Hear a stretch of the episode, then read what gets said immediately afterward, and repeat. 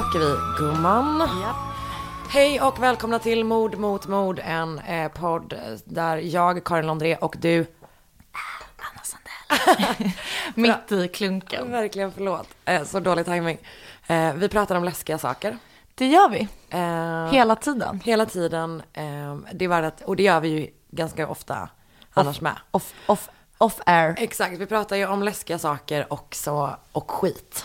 Alltså snacka mycket skit du och jag. Exakt. eh, om eh, alla. Nej, jag skojar. Det är vi absolut inte. Vi är underbara personer eh, som pratar om bara snälla saker. Om andra Exakt. personer hela tiden. Ja, det här var en tajt inledning. en av de bästa tror jag. I inte bara vår podds historia utan allmän eh, poddhistoria. Eh, ja men vi sätter oss eh, mitt emot varandra vecka, en gång i veckan och pratar om eh, varsitt fall. Eller berättar om varsitt fall för varandra. Exakt. Ehm, hur mår du? Bra. Härligt. Mycket bra. Hur mår du? Det, jag mår bra. Jag har haft en väldigt bra helg. Ja, Det är ju eh, underbart. berätta om den. Men jag har typ landat, du vet, mittemellan det här eh, att man gör saker, men man gör lagom mycket saker. Ja. En sån helg jag. Perfekt. Jag var super, super trött i fredags, då var jag bara hemma och så kollade jag på eh, tre avsnitt eh, Fab Five. Ja. Som Netflix har rebootat. Och så drack jag jättemycket vin, Mm. drack massa rödvin. Och eh, du vet, det är så skönt, det här är som vidrigare så ja. Men en väldigt skön grej med att vara ihop med någon. Mm. Det är ju att man, man kan göra ingenting men man gör det med någon. Och då gör man någonting. Exakt, då känns det inte, det, jag tycker inte det känns så deppigt att vara hemma en fredag ensam heller. För det kan vara jävligt skönt Det kan vara också. det bästa som finns. Men det här blir som en sån upphöjd var ensam grej. Eh, så jag typ, eh, ja men vi, vi kollar på jättemycket Fab Five och det är otroligt. Gud vad härligt. Alltså det är så himla bra. du har ju sagt det till mig flera gånger. Alltså så många och jag vet gånger. inte varför jag står emot. För att jag vet att jag säkert skulle älska det. Ja, jag tror också du hade gjort det. För det Jag de har- älskade ju Carson Ja men exakt. Ja. Och, det, och det de har gjort nu är att de liksom har tagit den- den tidens Fab Five, men de har typ uppdaterat det med liksom 2018 um, vettighet. Som är att så här, ehm, ja men det, kan, det är en av, eh, en av eh, snubbarna som gör om folk, det är han som är culture, vilket är en så oklar grej, men eh, han är svart. Eh, och i ett avsnitt så är det typ att, att den de ska göra om är en polis. Och då pratar han om att så här, ja men om, om hans relation till polisen som svart man. Och typ polisen pratar om så här, ja och det är fruktansvärt att man blir liksom, sam, att man hamnar i samma grupp som de här svinen som gör fruktansvärda saker Ja, fattar. svarta. Och typ det är en som är väldigt religiös. Då är det typ en av dem som är så här. Eh, ja, vad har du för, vad är din inställning till homosexuella typ? Mm. Och så pratar de om det och de är så himla, det är så vettigt samtal och Ja, det blir härligt. extremt gripande. För jag kommer ihåg när förr liksom, att det alltid var så här, han Jay som var culture, att han bara Now let's bring your girlfriend to the theater. När, typ, när du kommer in här så då så står du så här och då kommer du se väldigt kultiverad ut. Och man bara, åh det här är så, det är så fattigt. liksom. Det är verkligen eh, Ja. amerikanskt Ja. ut i fingerspetsarna. Ja, nej, vad kul, det ska jag kolla på. Och typ Mm. något avsnitt så är det så här en, en snubbe som frågar så här bara, who wears the pants in your family? Typ till en Mm. kille som är gift. Han bara, That's, uh, that's actually quite problematic. Uh, don't worry about it, you're fine. But, och så typ förklarar Mm. han varför så här, det är förlegat att tänka sig att, att det är så här en person som wears the pants in the family liksom. Mm. Alltså så här att det är, ja men så det är, det är som Fab Five fast det är gamla Fab Five fast det är liksom bättre. Fattar. Och jag har gråtit till vartenda, vartenda avsnitt. Och jag är ju i och för sig en gråtare. Men min kille som absolut inte är det. Alltså skulle önska att han grät. Eh, försöker trigga känslor i honom. Eh, han har typ lipat också. Jaha. Så det är, Jag är ju ingen gråtare. nej men det, kan du testa? Jag lovar. Ja men bra, jag ska, Ja men Fab Five, Five, noted. Jag otroligt. ska, jag ska titta. lo, jag lovar att titta till nästa gång. Men jag vill heller inte tvinga dig till Nej, någonting. jag vill titta. Okej, bra. Ehm, ja, och sen så har jag eh, ett tips som jag skulle vilja tipsa dig om. Och även andra kan få ta åt sig tipset. Det är att jag har startat, alltså det var någon som typ, de började följa mig på Instagram. Um, är typ, de heter Mörderier, som är typ en så här, en svensk true crime-blogg som görs av tre kvinnor som är så här, men det, de är, de är så här uttalat feminister. Eh, och så skriver de om true crime och de har just börjat, de startade för typ bara några Ah, vad veckor sedan. Eh, och den, är, den känns väldigt mysig, det är ett väldigt blandat flöde som de har. Att delvis är det typ så här, ja men mer längre, du vet så här investigative grejer liksom. När de går in i fall väldigt mycket. Men också typ att det är så här, mina bästa memes om making a murder. Gud vad så här, kul. Ja. Vilket är ju exakt, Mörderier. ja mörderier. Ett eh, iTunes-konto. Instagram-konto. Ja men det är ett Instagramkonto men det är också en blogg. Just det, vad du sa. Eh, så att eh, jag tycker att man kan gå in och, um, och läsa där. Kul, tack för bra tips. Mm, tack, eller varsågod. Tack snälla för att jag fick ge tipset. Eh, jag är alltid, jag, är lite, jag ser mig själv lite som en, ja, lite som en coach. Ja, det är bra. Uppskattar det. Ja men bra. Ja, jag har inga så bra tips. Har du något? Ehm, Det kan vara ett allmänt livsråd bara. don't do drugs, stay in school, be cool. Mm, det är synd att de två utesluter det tredje. Eh, nej men vi... ehm, Skoja. Mm, jo, det var ju kul. På Nyhetsmorgon så var ju eh, försvarsadvokaten till eh, Akilov Just det, på. Drottninggatan, terroristen. Exakt. Eh, och det var så intressant tycker jag att ehm, höra honom prata om hans yrke. Att liksom företräda en... Ja, men en av Sveriges mest hatade män. Exakt. Och vi har väl eh, typ aldrig terrorrättegånger och sådär i Sverige. Vad var Ehm, hans ingång liksom? Vad... Nej men det är ju såklart det här att han, han, hans jobb är ju viktigt för demokratin. Mm. Och det fattar typ inte folk. Att, eller det fattar inte folk. Men det, jag förstår det, att man har väldigt svårt att skilja på det. Att man kan inte, han får jättemycket liksom hatmail. Hur, hur kan du företräda dem? Men Ja. hans jobb är ju jätteviktigt eh, ändå. Och sådär. Men det var väldigt bara Var det självklart för honom att ta, ta fallet? Liksom? Ja, Men han såg det som ett hedersuppdrag. Ja, ja, men exakt. Är han en sån som har haft mycket den typen av uppmärksammade fall innan? Ja, han är tydligen eh, liksom en kändis Ja. eh, i den världen. För det finns, vad heter han som företrädde Breivik? Jag minns inte vad han heter. Inte jag heller. Men det var ju, jag, jag tror det var en Skavlan-intervju med honom Mm. som också var så här. Vet han fick frågan, för han hade nog företrätt någon annan högerextrem person som Mm. hade begått ett mord tror jag. Så Breivik bad om honom. Ja, det är läskigt. Ja, eh, verkligen. Men då var det också typ att han fick den frågan och så du vet så pratade han med, med sin fru och hon bara, nej men det här är ditt jobb. Det är det här det. är det viktigaste du kan göra typ. Och det var ju också så att han blev mordhotad och liksom allting så. Det, jag tycker att det är ett jätteintressant yrke. Det är ju det, för att man kan ju inte, på någonstans kan man också sådär, man kan ju inte förstå hur man kan, ja, jag vet inte, det Nej. är väldigt spännande. Ja men exakt att du sitter ner med en person som har, eller så här, hur bemöter man ens en person som Akilov eller Breivik liksom? Hur, och så är man så här, nu ska jag förföra din talan på ett sätt. Och typ värna, och som sagt det är ju verkligen så, det är superviktigt i rättssamhället, annars så faller ju allt. Ja, och det som han sa var också, han, det som är hans roll är också att se till att, att han så här håller hela vägen ut, att han inte blir knäpp. Typ. Ja. För Akilov har ju suttit i eh, sånt förvar där han är bevakad dygnet runt. Det är glas och det släcks tydligen aldrig ner i cellen.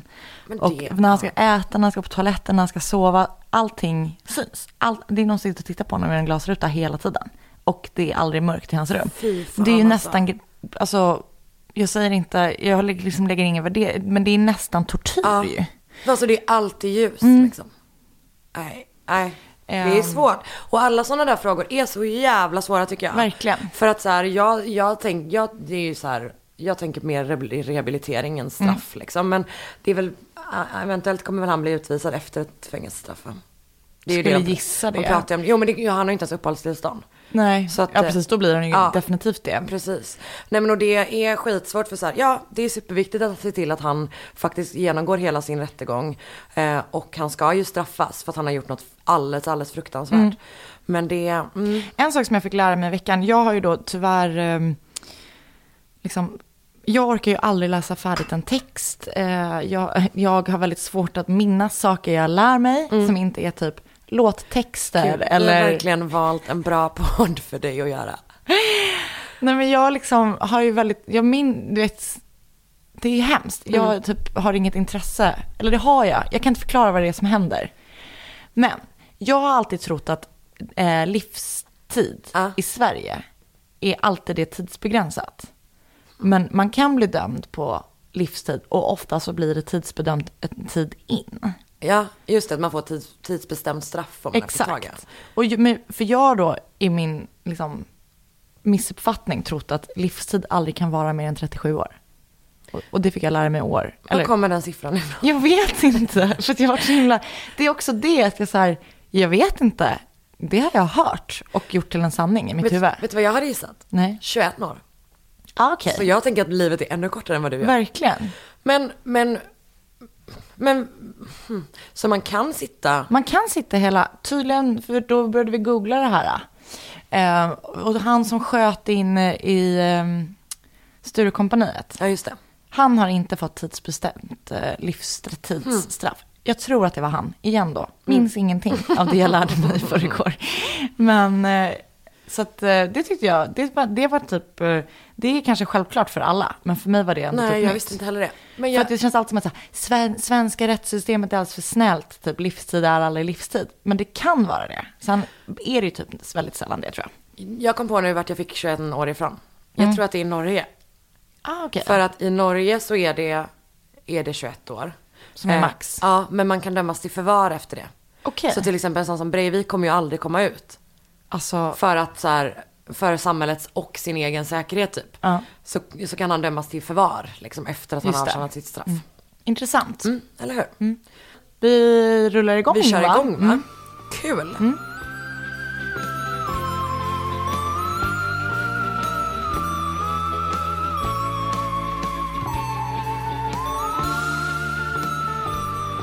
Kul för nu har jag alltid på min dator som också heter min jobbdator. Så har jag alltid några flikar med så obehagligheter. Jag med. Som bara ligger där. Ehm, så att det är så att man bara, Brazilian crime. Men eh, jag ska inte prata om ett brasilianskt fall idag. Nej, Kanske lite längre fram. Har hittat ett otroligt intressant. starkt. Ehm, utan jag ska prata om ett tyskt fall. Kommer du ihåg eh, att det, nu gör ju inte du det eftersom du inte har något minne. Men för, eh, vad är det, 15 år sedan ungefär? Eh, ja, 2002. Eh, så blev det väldigt, ett väldigt, väldigt stor nyhet om att eh, det fanns en kannibal i Tyskland. Ja! Jag tänkte att jag ska göra det fallet. Shit. Kommer, vet du jättemycket om det? Nej, nej, nej, nej. nej. Nej, bra. Ehm, Kannibalism har alltid varit en skräck. Ja, Ja. gud. Var, varför är vi rädda för allt? Det är verkligen så här vampyrer, kannibalism. Ja, det är ju superrimliga saker att vara rädd för. Spöken däremot, inte rädda. Hmm. Aj. Åh nej. Bara för att vi sa det kommer du få de läskigaste spöken här. Du vet att det är så här, the ghosts of podcasts past. Verkligen. Som kommer komma. Det kommer bara sitta två killar i ditt vardagsrum och älta om sina barndomstrauman här. Verkligen. Mm, fruktansvärt. The Rottenburg Cannibal. Eller Der Metzgermeister. Betyder The Butcher Master. Hur är din tyska? Helt okej. Bra. För att eh, jag kommer köra hela det här på the native tongue. Ah, perfekt. Eh, nej. Eh, Armin Meiwes föds den 1 december 1961 i Kassel. Han var väldigt ensam under sin barndom. Hans pappa var väldigt strikt och dessutom ointresserad, vilket jag tycker verkar vara en sån pissig jävla kombination. Att det är såhär, jag bryr mig inte, men sitt jävligt stilla där borta. Ehm, när Armin var åtta år gammal så lämnar pappan familjen. Han tar också med sig hans två, sina två söner, som är hans styvbröder. Eller halvbröder blir det väl. Alltså Armins halvbröder.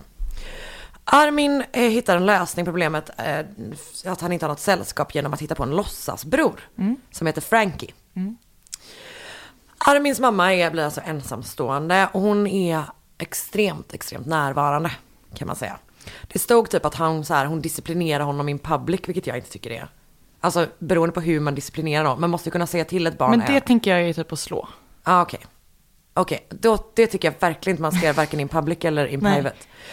Eh, men för jag i mitt huvud... Jag tror att det typ är ett annat naiv ord. Jag, jag, jag- tror, jag tror att det är att slå. Så naiv att jag bara, man måste ändå... Alltså man får säga peta inte i näsan. Exakt, det var verkligen, det var på den nivån. Eh, ja, vi vet inte om hon slog, men kanske. Jag gissar att det är det. Ehm, eh, och det finns typ stories om att hon senare så följde med honom på dejter och sånt. Och typ när han hade övningar i militären dök hans morsa upp. Oj. Stressigt. Verkligen. Riktigt stressigt. När han är 20 år gammal eh, sätter hon upp en lapp på hans dörr i huset där de, där som de flyttar till då. Eh, med texten Kinderzimmer på. Alltså barnrum. Han kommer behålla den lappen även efter att hon är död och han bor kvar. En grej som är lite avvikande med Armins uppväxt det är att han har sexuella fantasier där han bjuder hem och äter upp pojkar. Ah, Det är inte alla, det, det har man inte. nej det har man inte. Just det här ätandet känns inte helt, Nej. det är inte helt vanligt. Han är också tokig i sagan Hans och Greta. Okej. Eh, framförallt den delen när det pratas om att hon häxan där som tar dem eh, göder Hans innan han, hon ska liksom, ja, så. Det tyckte han tydligen var kanon som barn. Okej. Och som ganska litet barn tror jag, för att hans pappa berättar om det under rättegången sen. Och eh, hans pappa var knappt engagerad i hans liv efter att han flyttade redan som, när han var åtta år gammal, så det måste ha varit väldigt tidigt. 1999 så dör Armins mamma. Han är alltså då, det här har jag skrivit för att vi ska slippa räkna matte. Eh, 38 år gammal. eh, och han ärver då deras stora hus i Amstetten. Det ligger liksom mitt i Tyskland, verkligen så här centrerat typ. Eh, och jag har läst några texter där det påstås att han då byggde liksom som ett altare för henne i huset. Eh, och hade du vet så en, eh, en skyltdocka och du vet så. Men jag vet inte om det är sant eller inte. Nej. Det, det, det var, blev så otroligt uppmärksammat det här fallet. Att det liksom, det kändes som att man också eldade på saker och ting. Så jag vet inte, men eventuellt så hade han det. Folk i området gillar honom. Han är typ, de säger att han är lite barnslig. Men han är så snäll, han du vet hjälper till, hjälper folk att så här klippa gräset, bjuder över på middag. Han är typ en, kanske hjälper dem att fixa sina bilar. Han är datatekniker, jobbar han som. Och samtidigt som han också är, ja men han är en jättesnäll granne. Men han är också ute på nätet och letar efter en man att döda och äta. Med Hedvigs hemförsäkring är du skyddad från golv till tak oavsett om det gäller större skador eller mindre olyckor. Digital försäkring med personlig service, smidig hjälp och alltid utan bindningstid. Skaffa Hedvig så hjälper vi dig att säga upp din gamla försäkring. Hedvig hemförsäkring, ett klick bort. Aj, aj, aj, det kluckar i rören. Men det är väl inget att bry sig om? Jo, då är det dags för de gröna bilarna. Spolarna behöver göra sitt jobb. Spolarna är lösningen. Ah, hör du? Nej, just det. Det har slutat. Någon gång under 2000, jag tror ganska tidigt under hur 2000. börjar man den sökningen alltså? Är det på Eh, Darknet? Nej, men han börjar, nej så här då. Han eh, börjar liksom, man kan, man kan följa ja, men lite grann hans utveckling. Som först att han kollar på så här, kanske du vet lite så grövre porr. Lite, och sen så går man över till våldsporr och så. Mm, Okej. Eh, och sen så, ja, men så letar han väl sig Efter. vidare helt enkelt. Eh, och som sagt han har ju haft de här fantasierna sen han var ett litet, litet barn. Han lägger ut en annons på ett kannibalforum. Där de säger att så här, det här handlar om, om du blev så rädd nu, vände dig, du vände precis ryggen mot mig. Men ja, jag tänker det är så, ja, Ja. fortsätt. Nej men och på det här forumet så står det typ att så här, det här är ett forum för fantasier. Det är liksom, det står i den texten. Forumet heter The Cannibal Café. Ah, Alltså, bra namn. ja jag vet, jag kände också det att det var så här, mm, kudos to you. Eh, han skriver att han söker en välbyggd 18 till 30-åring som vill bli slaktad och uppäten. Mm. Och eh, han får ganska många svar. Men kom ihåg så här, det här är folk som, men som är mer intresserade av roleplay. Exakt, de vill typ prata om hur det skulle vara. Exakt, precis så. Ehm, och han träffar typ några stycken, om det är två eller tre stycken träffar han. De kommer hem till honom. Ehm, men när Att de... man vågar det, hur vet man att det inte bara är en toking då? Nej men de här människorna verkar vara att de faktiskt vill det då. Mm. Men när de väl är hemma hos honom, du vet han kanske har bundit fast dem eller så här påbörjar saker. Då backar de ur. Ah, okej. Och det accepterar alltid han direkt typ. Då kanske typ så här, det var någon som bara, då hängde de och käkade pizza och typ hånglade. Eh, så att han är liksom, han, är, han bryr sig om konsent. Ja. Så. så samtidigt som att det kanske det är lite svårt att hitta någon som är liksom helt inställd på att göra det. Att de kanske som sagt mer vill lajva. Men Armin är ju, han är ju på riktigt liksom. Han, håller på, han har byggt ett så här slaktrum i sitt hus på övervåningen. Eh, med att du vet så här, jag ska inte berätta för mycket för det, jag känner att det blir äckligt. Eh, Det här är en ganska äcklig historia. Kanske ska varna, varna känsliga lyssnare. Eh, Jag, har typ, jag kommer inte dra för mycket detaljer. Nej. För att jag eh, tycker att det är lite svårt. Eh, Men han får då kontakt med ytterligare en man. Den 14 februari 2000. På alla hjärtans dag. På, ja, exakt. Och också, ja. Här, då skriver Bernt, eh, Bernt Brandes, en ingenjör från Berlin, skriver till honom och svarar på hans annons. Som sagt, det är den 14 februari. Han har en sambo. Men bara, du kanske kunde fixa något fint för henne. Istället, nej nej, inne på The Cannibal Café. Svarar på annonser. Eh, anser sig själv vara en välbyggd man som vill bli slaktad. Han är en, alltså han, han verkar leva typ ett ganska vanligt liv, typ. Men han när en dröm om att bli kastrerad och uppäten. Han vill liksom, hans fantasi är att, typ att bli upptagen i en annans kropp. Den 9 mars 2001, de har alltså haft kontakt i typ ett år. Jag tror att de här datumen stämmer. Då möter Armin Bernt vid tågstationen i Amstetten. Och de åker till det huset som Armin då har delat med sin mamma tidigare. Väl där så får gästen eh, sprit, han får hostmedicin och han får sömntabletter. För att liksom numb the pain som, som ska komma. Och de börjar filma sin kväll tillsammans. De bestämmer sig, eller Bernt vill att Armin ska bita av hans kuk. Men det lyckas han inte med. Förlåt. Som sagt, grovt. Eh, han ville bli kastrerad helt enkelt. Så istället så skär han av den. Eh, och för, han, så här, han förbinder såret så att inte ska, han inte ska förblöda för snabbt typ. Eh, och sen så ska de då tillsammans försöka äta det här. Åh, vad äckligt. Mm, jag vet. Nu håller vi ut för det här är det äckligaste. Jag tycker att det här är det absolut äckligaste. Eh, så han, eh, först försöker de göra den rå. Det går inte. Den är för chewy. Åh, äckligt. Jag vet. Det är verkligen fruktansvärt. Det är jätte, jättehemskt. Eh, så då steker Armin den med salt, peppar, vitlök och vin. Han liksom verkligen så här tillreder den. Fy fan. Fy vet du vad det är som? Det är exakt som Hannibal. Ja, det Alltså är det du vet att det är så verkligen. att man är matintresserad och kannibal. Det är en sån jävla, jävla obehaglig Det är kombination. så äckligt. Det är verkligen, verkligen vidrigt. Ehm, men det går, den, inte blir, den blir inte god då heller. Så då ger han den till sin hund. Så hunden får äta upp könsorganet. Sen lägger Armin Bernt i, eh, ett, i sitt badkar.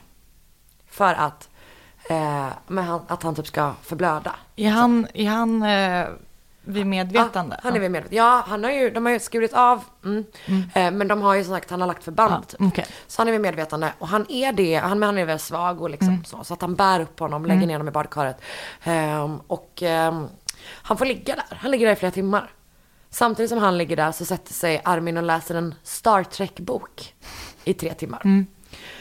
Eh, jag som har svårt att fokusera på en bok i vanliga fall. Mm. Tänk dig när man vet att det där pågår. Alltså, Mm. Men han kollar till honom ibland och du vet så. Eh, men det, det tar väldigt, väldigt lång tid. Så kvart över fyra på morgonen, natten, så bär Armin Bernt upp, eller till sitt slaktrum. Där han efter lång tvekan, eh, böner och typ att han kysser honom, då hugger honom i halsen. Mm. Och sen så eh, börjar han då skära i hans kött.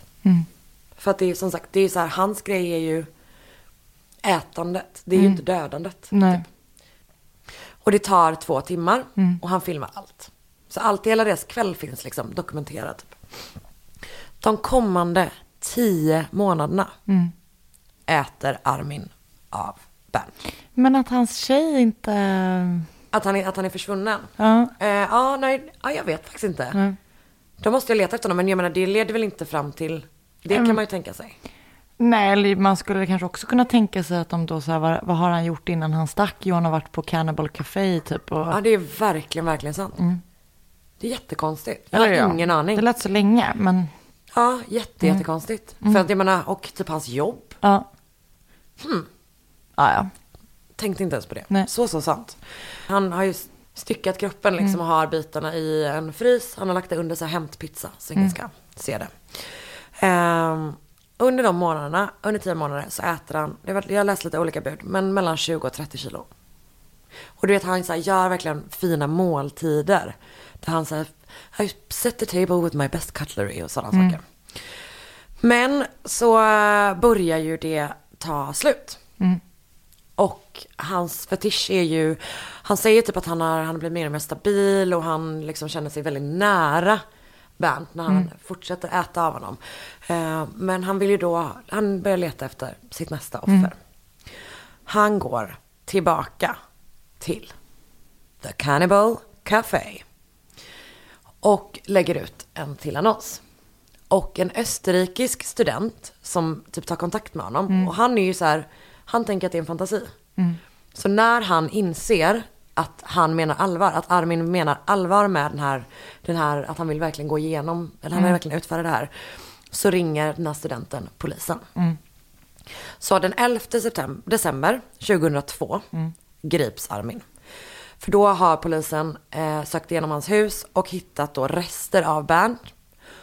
Eh, det var inte mycket kvar, men det fanns lite. Och även den här videon från deras kväll tillsammans. Och han erkänner ju i princip direkt. Eh, men det tar ändå ganska lång tid att sätta ihop caset. Och det är för att det visar sig att kannibalism är inte olagligt i Tyskland. Nej. Alltså själva handlingen kannibalism är inte olagligt. Nej. Och även om dödshjälp är olagligt så är det typ så här, men 65 år. Väldigt, väldigt lite liksom. Eh, så de har så problem bara, vad fan ska vi, vad ska vi döma honom till och var, eh, du vet så. Det, är väldigt, det blir ett väldigt krångligt Ja, rent rättsligt fall. Ehm, man äh, åklagar honom för sex, eh, mord för sexuell tillfredsställelse. Är tydligen en grej där. Okej. Och även disturbing the peace of the dead, vilket väl är eh, griftefridsbrott va, i Sverige. Så de två saker, sakerna har man. Och eh, under rättegången så erkänner då han förstås återigen att han har gjort det här. Men han trycker också på att så här, han ville det här.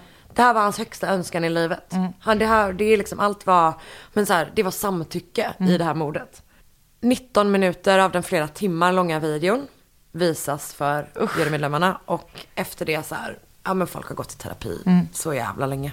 Det tycker jag är så jävla jävla svårt med just att så här, vad, på, alltså, vad gör jag vill ju som vi pratade om tidigare, jag har jättesvårt för att se crime scene photos och sånt och det är fan en jävla grej att utsätta någon för. Ja, liksom. och film blir ju Ja, så... och det, mm, det är också något så jävla grovt det här, tänker jag. Den 30 januari 2004 döms han för dråp Okej.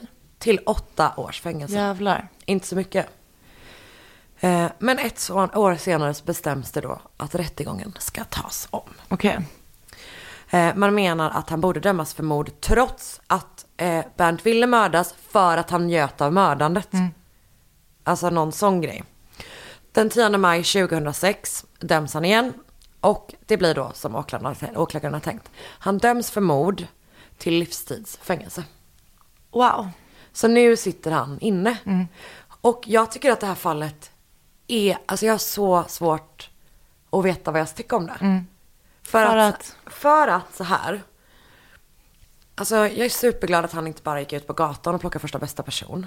Ja, det är två vuxna personer. Alltså så här, Men man vet, alltså... nej man vet ju inte det är det som är grejen. Men jag tycker det, är- ja, jag tycker det är Fast svårt. filmen lär väl i och för sig visa att den här Bernt då inte skrek och typ gjorde motstånd. Nej, exakt. Ja. Ja, ja. Nej, det verkar inte finnas något tvivel om att han ville det. Nej. Utan det handlar om, mer om hans, om eh, Armins inställning typ. Alltså Armins, alltså om man nu ska försöka ge sig liksom på att försöka förstå kannibalism. Please do. Så kan man ju kanske mer relatera till det att man vill äta någon än att man vill bli uppäten, eller? Ja. För liksom, För vad, att- är det, vad, får man, vad skulle det någonsin fylla för funktion att bli uppäten? Man men- vet ju inte om det. Nej, exakt. Det är just den grejen som är så här. Ja, det är super nice att ha sex och sånt. Eh, och typ tillfredsställelse, kanon. Men det är just det, den ultimata uppoffringen, alltså så här, hur var upp, hans upplevelse då? Var han typ superkåt? Men vad gör det med honom? Alltså så här, Nej, det är så jävla konstigt. det är så himla himla märkligt. Och jag tror också att det har sagts typ att han le- led av någon slags psykisk det problematik. typ. känns ju som det. Eh, men just rent Läskigt. rättsligt tycker jag att det är... Gud vad obehagligt. Mm. avigt. Ja, jätteläskigt är det ju. Men, men det, är, mm, det är lite märkligt. Och just det här att de insåg att kannibalism inte är olagligt. Det är helt galet. Du vet jag läste någon så text som var typ så här, kanske han kan dömas under europeisk lag. Alltså du vet att det, var, det var verkligen ett reellt problem. Gud, vad sjukt. Eller hur? Tack, vad häftigt. Jag ska berätta två saker Ja. till för dig. Eh, delvis så vill jag berätta att Armin tycker ju typ att han kom Bernt så himla nära. Att de fick sån stark bond typ Mm. genom, genom det här. Och att, och att det bara växte ju mer han åt typ deras starka relation. Mm. Han har också sagt att Bernt var tydligen väldigt bra på engelska. Det var Armin inte. Men nu har han blivit väldigt mycket bättre Ah. sedan han åt upp honom. Shit. Mm. Sak nummer två. Han är numera vegetarian. Gud vad flummigt. Undrar vad man skulle vilja äta Nej. upp då om man skulle liksom få den personens egen, liksom det som den var bra på. Just Det. Vad hade du valt? Vem man skulle välja? Jag hade velat äta någon som är bra på att sjunga. Vad hade du velat äta Beyoncé typ? Typ. Men, Nej, men- också det känns som att, fan nej, jag hade nog hellre haft någon som var jävligt, jävligt smart. Einstein. Och han ser så äcklig att äta på något sätt. Tror Beyoncé är mycket godare. Ja, säkert. Eh, nej men någon som är riktigt, riktigt smart. Alltså någon typ så här fysiker, någon som förstår saker som man själv inte fattar. Det hade jag tyckt var härligt. Någon sån Nobel, Nobel- Nobelpristagare hade jag nog tuggat på. Sen hade jag valt den som såg godast ut. Bra. Bra. Då vet vi. Gud, vi kommer vara en så här superduo. Du kan sjunga. Jag kan tänka. Exakt. Så bra. Ja, shit vad läskigt. Tack för det. Eh, Jag vill bara säga att det här mordet fick jag, blev jag tipsad om. Av eh, en som lyssnar på oss. eh, På Instagram. Folk har liksom börjat skriva så här olika, om olika fall till mig i DM. Det är otroligt mysigt. Ja, wow, det är stort. Ja, det är jätte, jättehärligt. Och den här personen är, heter då Tessa Mon. Så puss och tack eh, för det.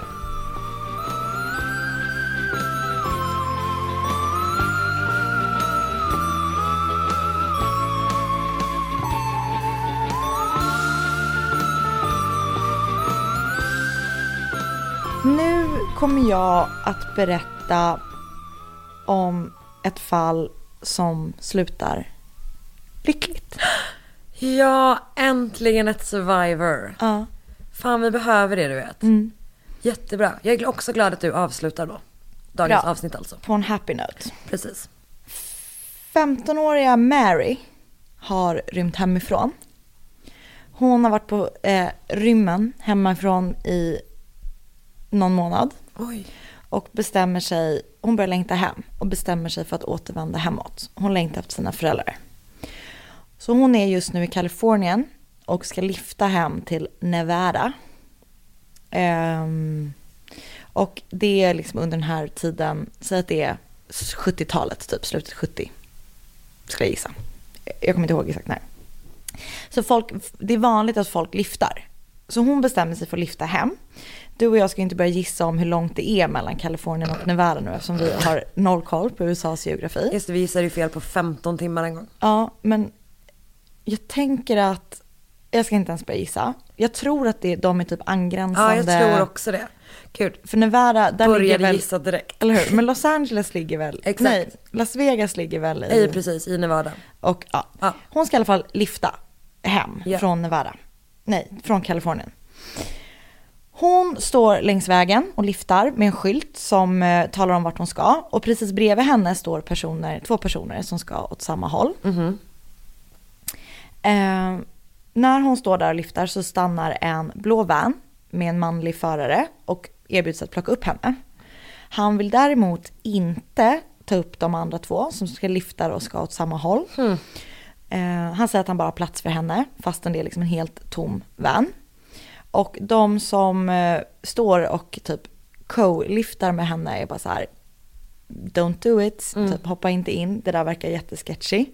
Men hon är typ, eh, hon är helt liksom hon är helt determined på att hon, hon ska hem. Så de säger så här, men varför, varför kan de inte ta med oss? Liksom det är någonting som är weird med det här. Men hon hoppar in och åker med honom liksom, kör iväg. Eh, hon ville bara hem, hon var desperat och hon, kunde typ, hon kände att hon inte kunde leva en dag till utan sin familj. Så hon hoppar in. Väl i bilen så är hon trött och eh, hon somnar liksom. Hon är Kul att 15 du, år. att du gäspade samtidigt som du sa det. Du ljudsätter verkligen det här otroligt. Verkligen. Mm. Och så sömnig var hon. Som jag... hon var så trött så hon somnar i bilen.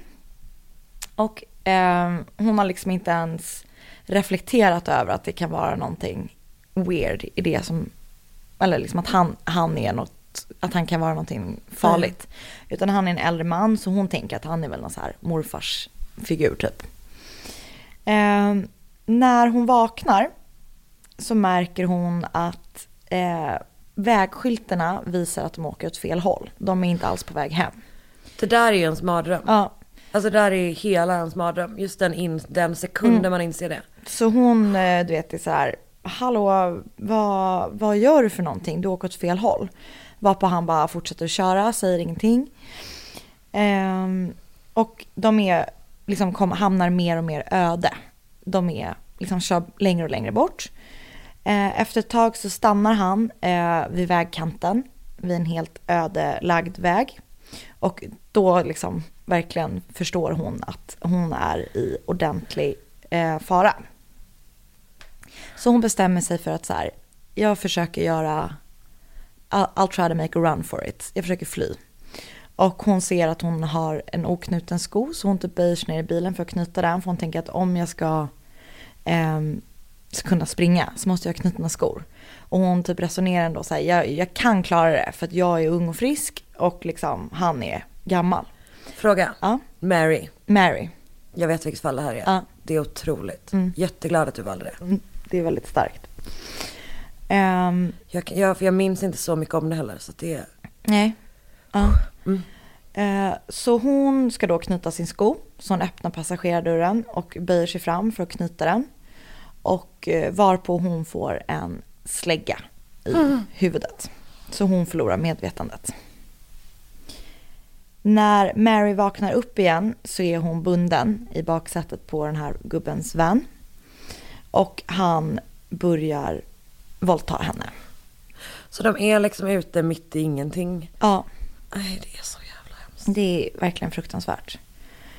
Ehm, Alltså jag tycker också man kan känna igen den här grejen, den rädslan, det som sagt är att man åker åt fel håll, att man är så utsatt. Jag har aldrig lyftat, men Nej. typ bara när man åker med så här shady ja, taxichaufförer. verkligen. Att man Det bara, jag varför tar han kan- den här vägen? Ja, Exakt det tycker jag är det man kan relatera det till. Verkligen. Och det är fan. Och då är man ju, man säger, då är jag ofta också så här, jag kommenterar inte. Nej. Eller för man vågar ju typ inte skapa någon så här, varför kör du den här vägen? Nej. Typ. Exakt att man inte vill skapa någon dålig stämning typ. Verkligen. Mm, så verkligen. konstigt. Eh, men de är då i i ödemarken verkligen. Och han börjar då våldta henne, vilket är så hemskt. Och han, hon är bara så här, varför gör du det här? Liksom. Och han bara fortsätter, äh, han våldtar henne flera gånger på rad typ. Eh, och sen somnar han och hon kan inte fly för att hon är helt liksom, uppbunden. Han ligger och sover och hon ligger bara och tänker på att hon vill eh, där, därifrån, hon vill dö.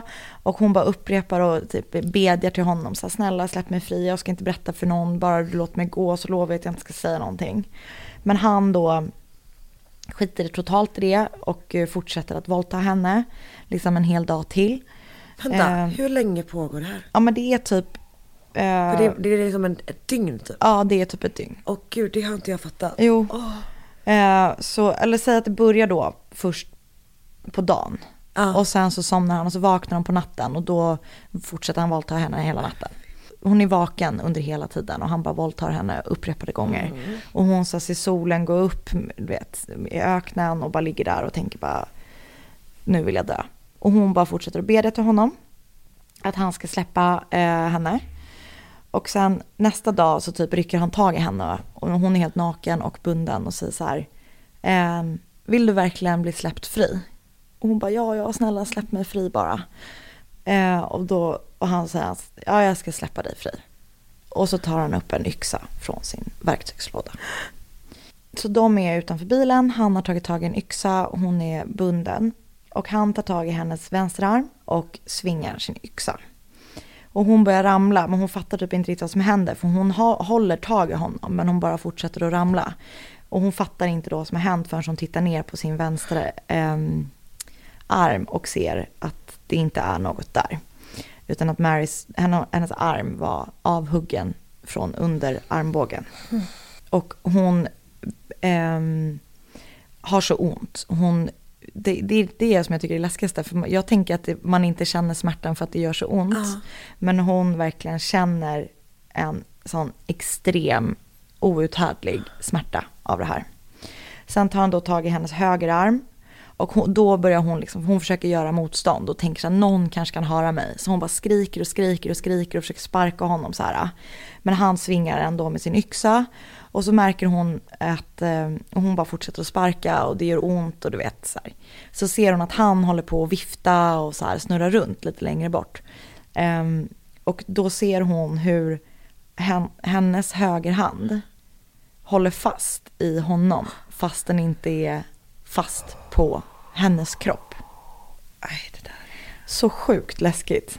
Ja, alltså Eh. det, just den detaljen Ja, är en sån grej som man inte, alltså, inte kan glömma i en sån Nej. story liksom. Den, det är verkligen så jävla läskigt. ja. Så han, och hon blöder ju hur mycket som helst. Så hon liksom börjar tuppa av sådär. Och när han har huggit av båda hennes armar så um, är hon helt stilla. Och han, tror man då, tror att hon är död. Så han börjar släpa henne liksom mot ett, um, mot en klippa eller mot ett liksom, ja. Eh, där han slänger ut henne från det, den avsatsen. Eh, fallet gjorde så att hon bröt fyra revben. Och eftersom hon har blivit av med så mycket blod så försattes, hennes kropp var liksom i chock. Att den är sådär helt paralyserad typ. Ehm, så hon ligger där under den här klippan där hon har blivit nedslängd. Och hon har ju ingen aning om han är kvar där uppe eller om han har, om han har stuckit liksom. Hon ligger där och blöder och hon är så trött och hon är så kall. Och det enda hon vill är väl typ att somna in. Eh, men så har hon eh, en röst i sig själv så här bara, jag kan inte låta honom göra det här mot någon annan. Jag måste, jag måste kämpa emot min trötthet. Jag måste ta mig härifrån. Fick rysningar. Ja, det är så Alltså, starkt. Rös i hela kroppen. Det är så starkt. Ehm, så hon... ja, det här är så obehagligt tycker jag. Men eh, hon liksom tar sina armstumpar då, eller vad man ska säga. Och så här, geggar ner dem typ i leran. Eller i, jorden. Så att det ska stoppa blödningen. Så det blir som så lera. Hur kan man ens vara så smart? Alltså, I den situationen. Ja. Det är så läskigt. Ja. Så hon stoppar blödningen på det sättet. Jag tänker att det måste göra så sjukt ont också. Att så här, ja.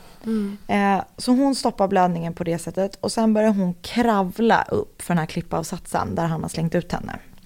Gud, jag orkar liksom inte ens gå upp ur sängen när jag är bakis. Nej. Det känns som en struggle att gå från sängen till soffan.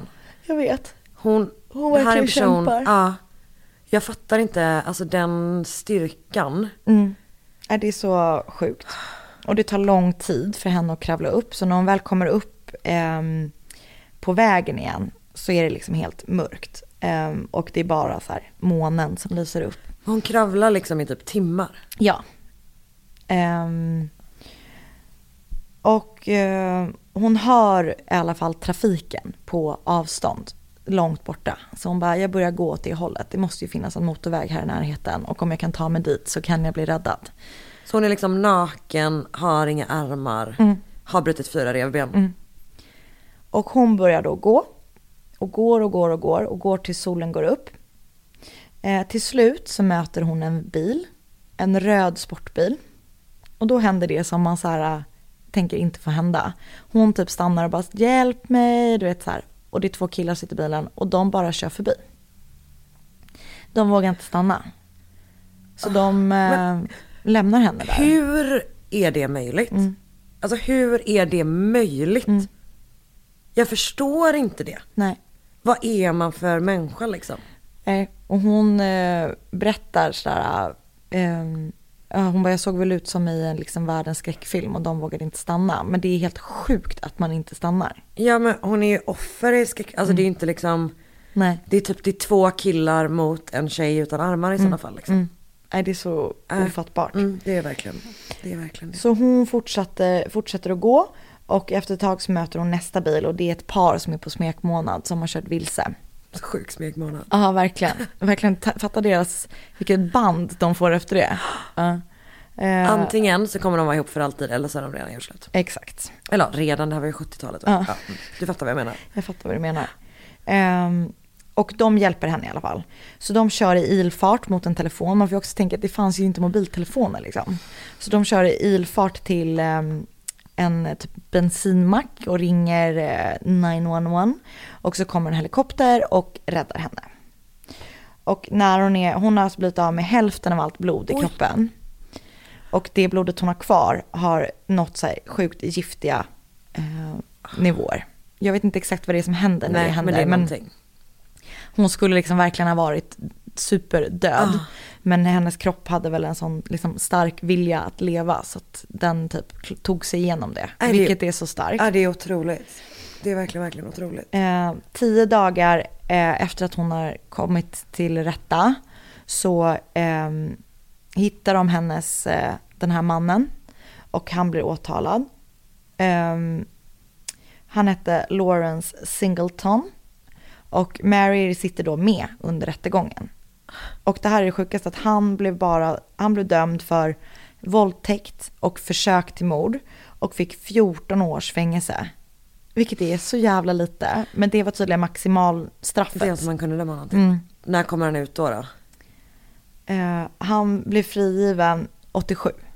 Så säg att det här var typ 77 kanske. Ja, han typ sitter Ja. tio år. Mm, perfekt. Ehm. Man bara, uppenbarligen är det en person som inte har någon som helst respekt för typ mänskligt liv. Nej, nej. Och det här är, nu ska du få höra någonting riktigt läskigt. För hon var ju såklart eh, dödsrädd i när hon, för hon satt då liksom 10 meter ifrån honom i rättssalen.